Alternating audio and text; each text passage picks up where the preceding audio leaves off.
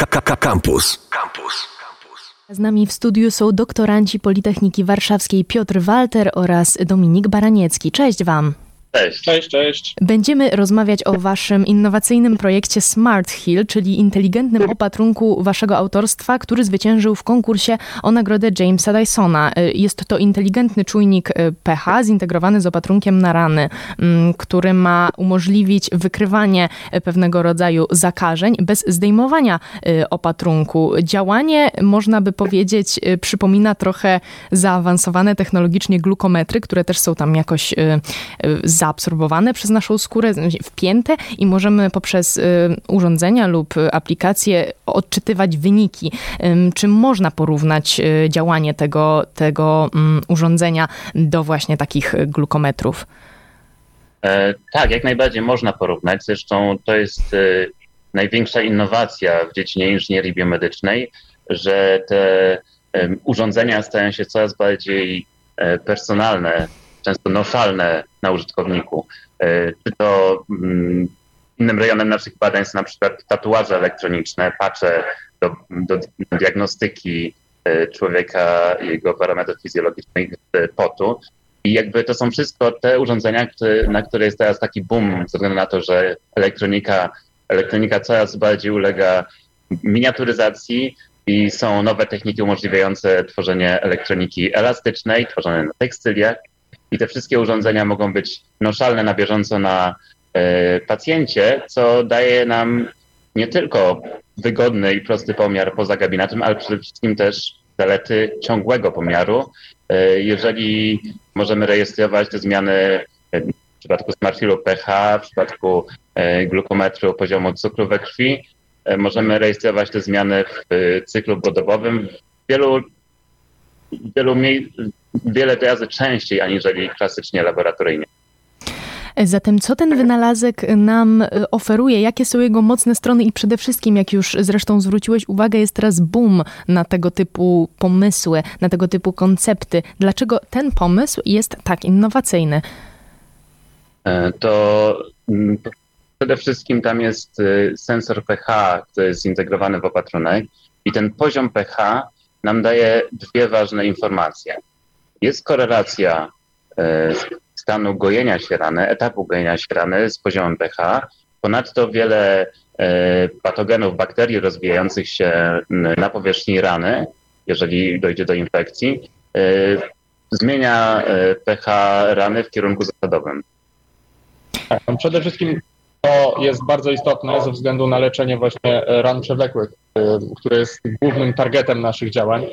E, wspomaganie ran trudno leczących się, ran, które e, często e, wielokrotnie przechodzą przez cykle zakażeniowe i tym sposobem właśnie uniemożliwiają stabilny proces leczenia.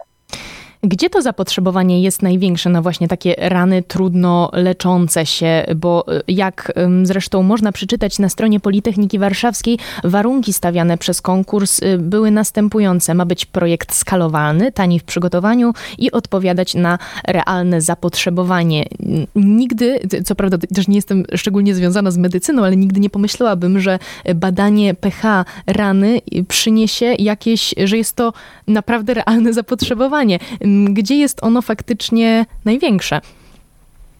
E, nawiązując tutaj do tych trzech filarów, które, które zostały jakby tutaj docenione w naszym projekcie, no to e, jest to projekt e, tani i skalowalny. Jego wdrożenie nie powinno stanowić dużego wyzwania.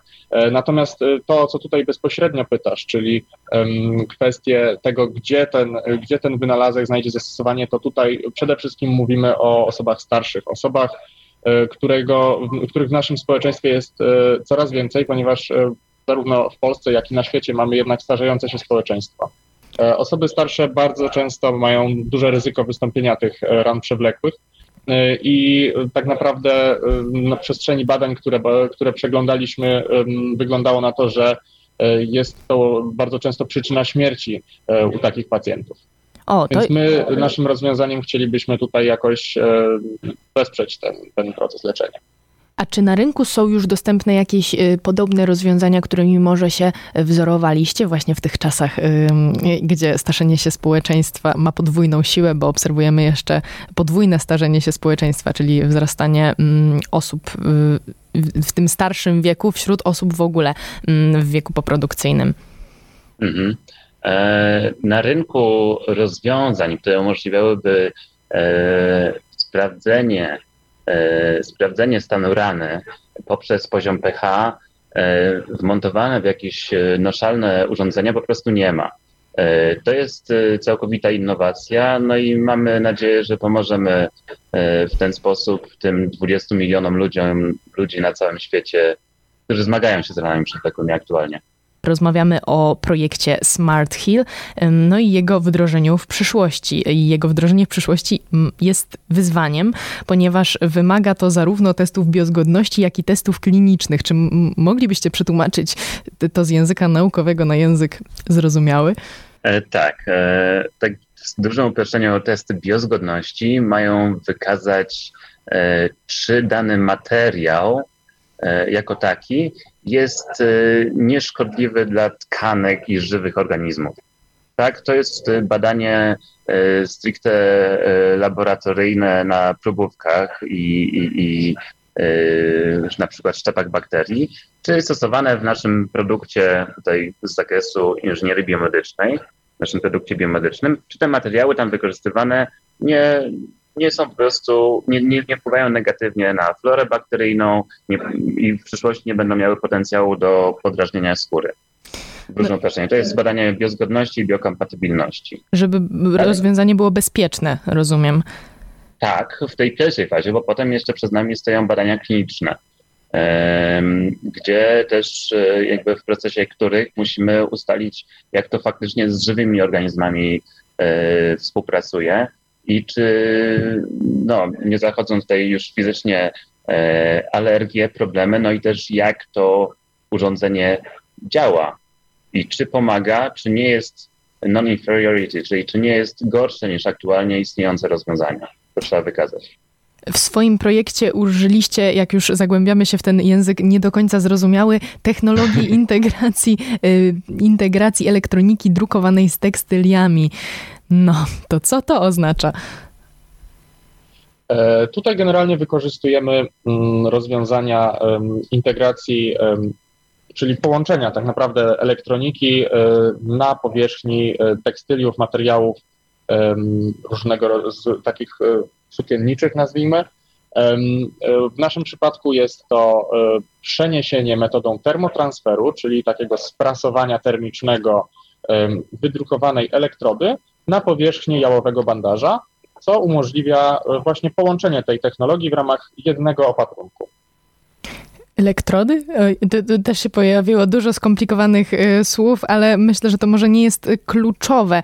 Bardziej chciałabym wiedzieć, tak już z kwestii czysto pragmatycznych, e, jako że w ubiegłym roku mm, w krajowym etapie zwyciężył projekt Extrude Zero. Był to pomysł Majka Ryana i Aleksandra Trakula, których również gościliśmy na antenie naszego radia w związku z tym, mm, z tym pomysłem. I studenci Politechniki Warszawskiej, to był pomysł, który opierał się na takiej maszynie, która dezynfekuje i poddaje recyklingowi zużyte trzywarstwowe maseczki chirurgiczne. Tutaj też można powiedzieć mm, taki temat z zakresu bioinżynierii czy inżynierii medycznej, y, czy może się mylę, może niekoniecznie. Czy to jest temat, który rzeczywiście mm, przoduje, jeśli chodzi o, o ten, tego typu konkurs? Z jakimi projektami y, wy konkurowaliście w tym roku y, i czym wasza propozycja się wyróżniała? E, generalnie e, zauważyliśmy, że wiele koncepcji, które jest naprawdę docenianych, to są aplikacje typowo dla człowieka. E, nasze rozwiązanie właśnie przewiduje tego typu, tego typu rozwiązania, rozwiązania, które faktycznie mogą pomóc w leczeniu, a więc umożliwić lepsze zdrowie i życie pacjentów. E, generalnie w konkursie e, Jamesa Dysona również e, było wiele projektów typowo inżynierskich, takich jak tutaj właśnie wymieniony przez Ciebie Extrude Zero. Natomiast wśród zwycięzców znalazły się wśród, wśród tych projektów takich topowych, faktycznie w większości były to projekty dla człowieka.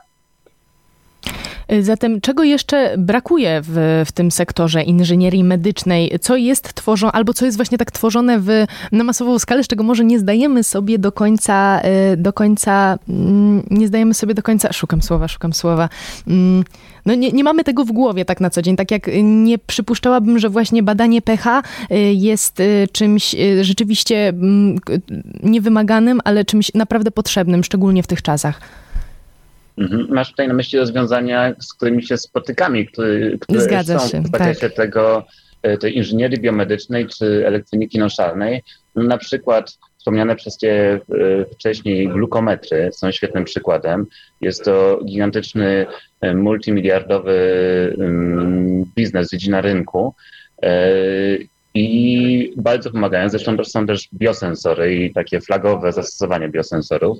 Natomiast w życiu codziennym coraz większą popularność zdobywają na przykład różnego rodzaju y, smartbandy, smartwatche, które też umożliwiają śledzenie tętna czy, czy ciśnienia, y, czy nakrwienia, y, czy dokrwienia, dotlenienia krwi, przepraszam. No i to są, i te rozwiązania będą tylko rosnąć. Jest coraz więcej elektroniki na ubraniach czy, czy odzieży. To jeszcze na sam koniec y, pytanie. Y, czy przewidujecie, żeby wasz projekt y, mógł rozwijać się raczej w branży specjalistycznej? Czy ma on być dostępny raczej do użytku w szpitalach? Czy jest to produkt, który mm, planujecie, żeby pojawił się na sklepowych półkach? Generalnie nasze rozwiązanie zakłada użycie przez pacjentów, którzy w przypadku ran przewlekłych często są leczeni ambulatoryjnie. Oznacza to, że musi być e, to produkt ogólnodostępny, e, ponadto dostępny w przystępnej cenie, ponieważ zdajemy sobie sprawę z tego, że osoby starsze nie, nie zawsze są w stanie sobie pozwolić na zakup opatrunku, który będzie dwukrotnie droższy niż obecne rozwiązanie. E, nasza technologia pozwala na zachowanie takiej niewielkiej, niewielkiej zmiany w cenie opatrunku, i tym samym chcemy też właśnie, żeby nasze opatrunki były dostępne zarówno dla personelu medycznego, jak i indywidualnie dla pacjenta. Stąd też właśnie nasze innowacje w celu zapewnienia e, bezprzewodowej komunikacji z opatrunkiem w celu sprawdzenia i monitorowania na bieżąco stanu e, swojej własnej e, rany. Łączyliśmy się z Piotrem Walterem oraz Dominikiem Baranieckim, doktorantami Politechniki Warszawskiej oraz autorami projektu Smart Hill. Ja za Was bardzo mocno trzymam kciuki, za Was i za powodzenie Waszego pomysłu. Dziękuję Wam pięknie za rozmowę. Bardzo dziękuję. Bardzo dziękujemy. Campus. Same sztosy.